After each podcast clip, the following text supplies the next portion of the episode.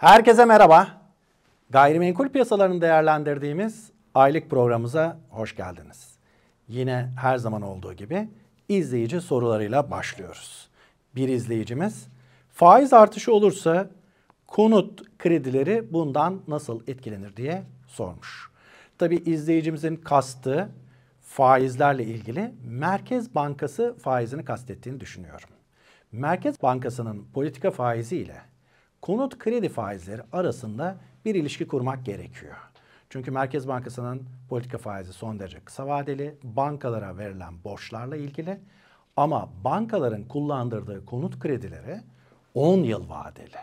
Dolayısıyla kısa vadeli faizlerin uzun vadeli faizleri etkilediğini biliyoruz. Ama bunun etkileme mekanizması için detayları bu işin uzmanı üstadımız Kerim Rota bizlere daha iyi anlatacaktır. O yüzden sözü bir e, programında Kerim Rota üstadımıza bırakıyorum. Ama ben soruyu şöyle düzeltiyorum.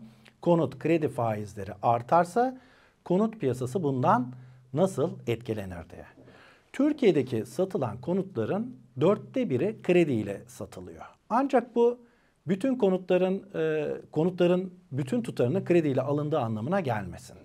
Çünkü Türkiye'de kredi tutarları ile ilgili önemli kısıtlar olmakla birlikte halkımız da aslında satın aldığı konutun neredeyse yarısı kadar ortalamada kredi kullanıyor. Aslında Türkiye'de kredi kullanım kararı bir konutu peşin alma gücüne de sahip olup faiz oranlarını düşük bulunca bundan yararlanmak isteyen insanların ağırlığıyla oluşuyor.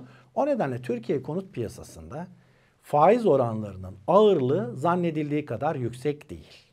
Yani faiz oranları çok yükselse bile konut satışları bundan bence minimum ölçüde etkilenecek diyebiliriz. İkinci sorumuz da şu. Dövizdeki artışın konut piyasasına etkisi neler olacak diye. Öncelikle bazı ilanlar üzerinde etkisi olur. Çünkü bazı mülk sahipleri konutlarının fiyatını dolara endeksliyor. Dolardaki değişime göre diyor ki benim evim 200 bin dolar karşılığı efendim 4 milyon lira. Şimdi dolar şu kadar oldu. E, 4,5 milyon lira istiyorum diye değiştirebilir. Ama onların istemesiyle piyasada fiyatların gerçekleşmesi aynı şey değil. Dövizdeki artış talep edilen fiyatlar üzerinde etkili olabilir ama esas etkili olacağı yer maliyet enflasyonu dolayısıyla inşaat maliyetlerinde olacaktır. Çünkü önemli ölçüde enerji girdimiz var. Bu enerji girdisine bağlı olarak inşaat maliyetleri, inşaat malzemeleri fiyatlarında yükselişler var. Dövizdeki artış genel olarak enflasyona ve enflasyonda inşaat maliyetlerini yukarıya çektiği için konut fiyatları üzerinde ilave bir enflasyon etkisinde bulunabilecektir. Yine bir başka üçüncü ve harika bir soru var. Bu yıl Temmuz ayında bitmesi beklenen kira sınırlaması uzatılacağı konuşuluyor ve bunun üzerine de bir takım hukuki yaptırımlardan bahsediliyor. Bunun piyasaya etkisi ne olur diye sormuş bir izleyicimiz de. Evet bu Temmuz'dan itibaren muhtemelen kuvvetli olarak e, yeni bir kira düzenlemesi gelecek. Acaba bu %25'te kalacak mı? Bunu da bilmiyoruz. Ama varsayalım ki kaldı ve arkasını desteklemek için de diyelim e, bir takım cezai müeyyideler de uygulanacak. Bu şu demek değerli izleyiciler. Kiralama piyasasına ciddi bir darbe vurulması anlamına gelecek.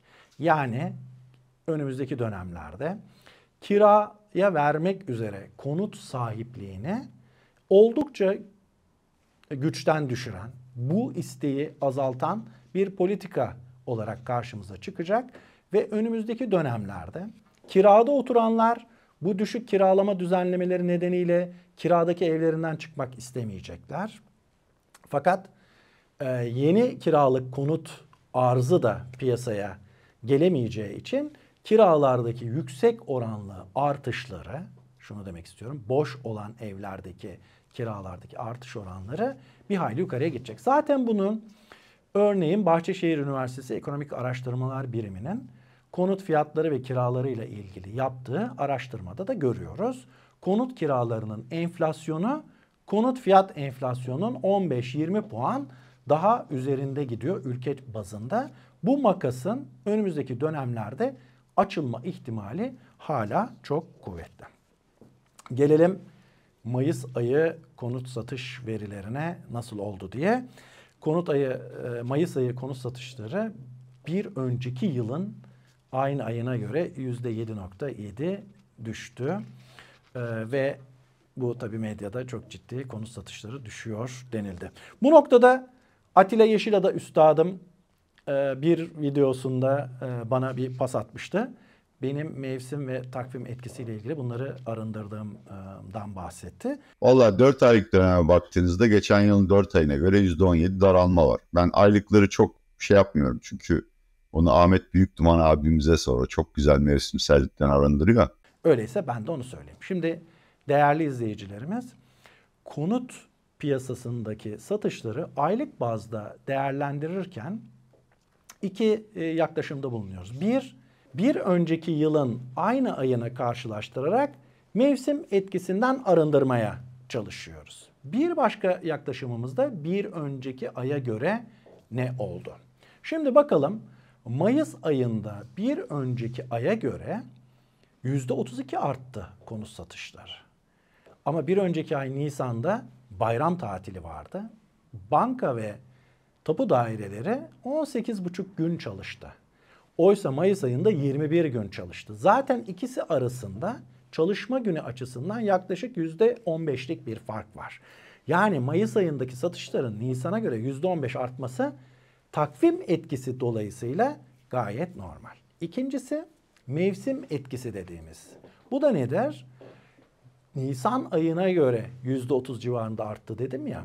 Aslında her Mayıs ayının ortalaması Nisan ayından daha yüksektir. Yani Türkiye'de konut satışları şöyledir. Ocak, Şubat, Mart her ay artarak gidiyor. Ne zamana kadar? Haziran, Temmuz ayına kadar. Ondan sonra tekrar bir düşüyor. Yıl sonunda tekrar bir zirve yapıyor. İşte yılın farklı aylarındaki bu dalgalanmalara da biz mevsim etkisi diyoruz. Dolayısıyla Mayıs ayı Nisan'a göre daha iyi bir performansı doğal olarak gösteriyor. Peki geçen yılın aynı ayıyla mevsim etkisinden arındırılmış bir şekilde baktığımızda bu ay %7.7 daha az konut satılmış. Fakat şunu unutmayalım. Biz bir önceki yılla karşılaştırıyoruz. Peki ondan önceki yıl, ondan önceki yıl işte konut piyasası gibi piyasalarda uzun vadeli analiz yapabilmek için sadece bir önceki yılla yetinmemek, uzun dönemli ortalamalara bakmak gerekiyor. Eğer uzun dönemli ortalamalara bakarsak Mayıs ayındaki konut satışlarının uzun dönemli ortalamaya çok yakın olduğunu, bir parça altında olduğunu görebiliriz. O altında olma sebebi de yabancılara yapılan satışların yarı yarıya düşmüş olmasıdır diyebilirim. Peki yabancılara yapılan satışlar niye yarı yarıya düştü? Bir deprem etkisi ortaya çıktı. İki seçimler dolayısıyla yabancılara konut satışlarına yönelik politikaların, yabancıların Türkiye'deki ikametlerine yönelik politikalarla ilgili belirsizlikler önemli ölçüde yabancıların talebini de kısmış oldu. Dolayısıyla şunu söyleyebilirim. Geçen yılın aynı ayıyla bakıldığında veya uzun dönemli ortalamalara göre bakıldığında Mayıs ayında konut satışlarında görece olarak hafif bir düşme var ve bunun sebebi de ağırlıklı olarak yabancılara yapılan satışlardaki düşmelerdir diyorum. Peki yabancılara yapılan satışlardaki düşmelere bir kere daha bakalım. Yani 6 binlerden 3 binlere düştü. İstanbul'da yabancılara yapılan satışlar toplam satışların %10'u idi, %5'ine düştü. Antalya'da yüzde 35'i idi, yüzde 20'sine düştü. Ve bu iki düşmenin sonucunda ortaya ne çıktı? Onu da söyleyelim.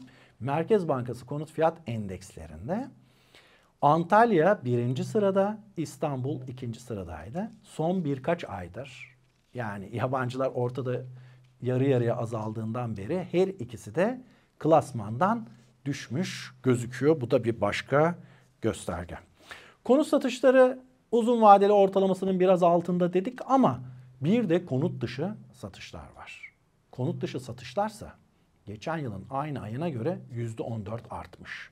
Son 3 yıldır konut dışı satışlar her yıl ciddi ölçüde artış gösteriyor. Dolayısıyla aslında gayrimenkul piyasası zayıflıyor demek doğru değil. Konut piyasasında görece bir zayıflama varken öbür taraftan gayrimenkul konut dışı gayrimenkul piyasası oldukça hareketli gidiyor. Peki talep tarafında satışlar böyleyken arz tarafında durum ne? Yeni inşaat başlangıçları ilk çeyrekte 130 bin yeni daire ruhsatı alındı. Bu önceki yılların ilk çeyreğiyle uyumlu gözüküyor. Dolayısıyla bu kadar e, üretim henüz bizim ihtiyacımızı karşılamadığına göre arz tarafında önemli bir ataktan bahsedemiyoruz. İnşaat maliyet endeksi de bu arada açıklandı. Orada da yıllık inşaat enflasyonu yüzde 60 gözüküyor. İnşaat maliyet enflasyonu yüzde 60 gözükürken Merkez Bankası'nın en son Nisan verilerine göre Türkiye çapında yüzde 120 konut enflasyonu gözüküyor. Yani iki katı. Ee, peki bu iki katı ne demek? Aslında ciddi ölçüde konut fiyatlarının enflasyondan ayrıştığını gösteriyor. Bir başka ölçüt de şu, konut fiyatlarının e, analizi açısından gelirle karşılaştırdığımızda yani asgari ücretle konut fiyatlarını karşılaştırdığımızda da e, konut fiyatları tüm zamanların zirvesini gösteriliyor. Dolayısıyla gelire ile birlikte konut fiyatlarındaki bu artış konuta erişim problemimizin şiddetini bize gösteriyor. Muhtemelen e, gelirdeki artışla desteklenmediği sürece konut fiyatlarının da sürdürülemez olduğunu söylemek durumundayız. Peki e, kira boyutunda aynı şeyden bahsedebilir miyiz? Kiralar tarafındaysa şöyle bir durum var. Son yapılacak kanuni düzenlemeler mevcut kiracıları bir parça rahatlatırken yeni kiralık eve çıkmak isteyenlerin e, kiralama piyasasında oldukça zorlanacağını gösteriyor. Bir sonraki yayında tekrar görüşebilmek ümit ve temennisiyle şen ve esen kalın, barınmada kalın.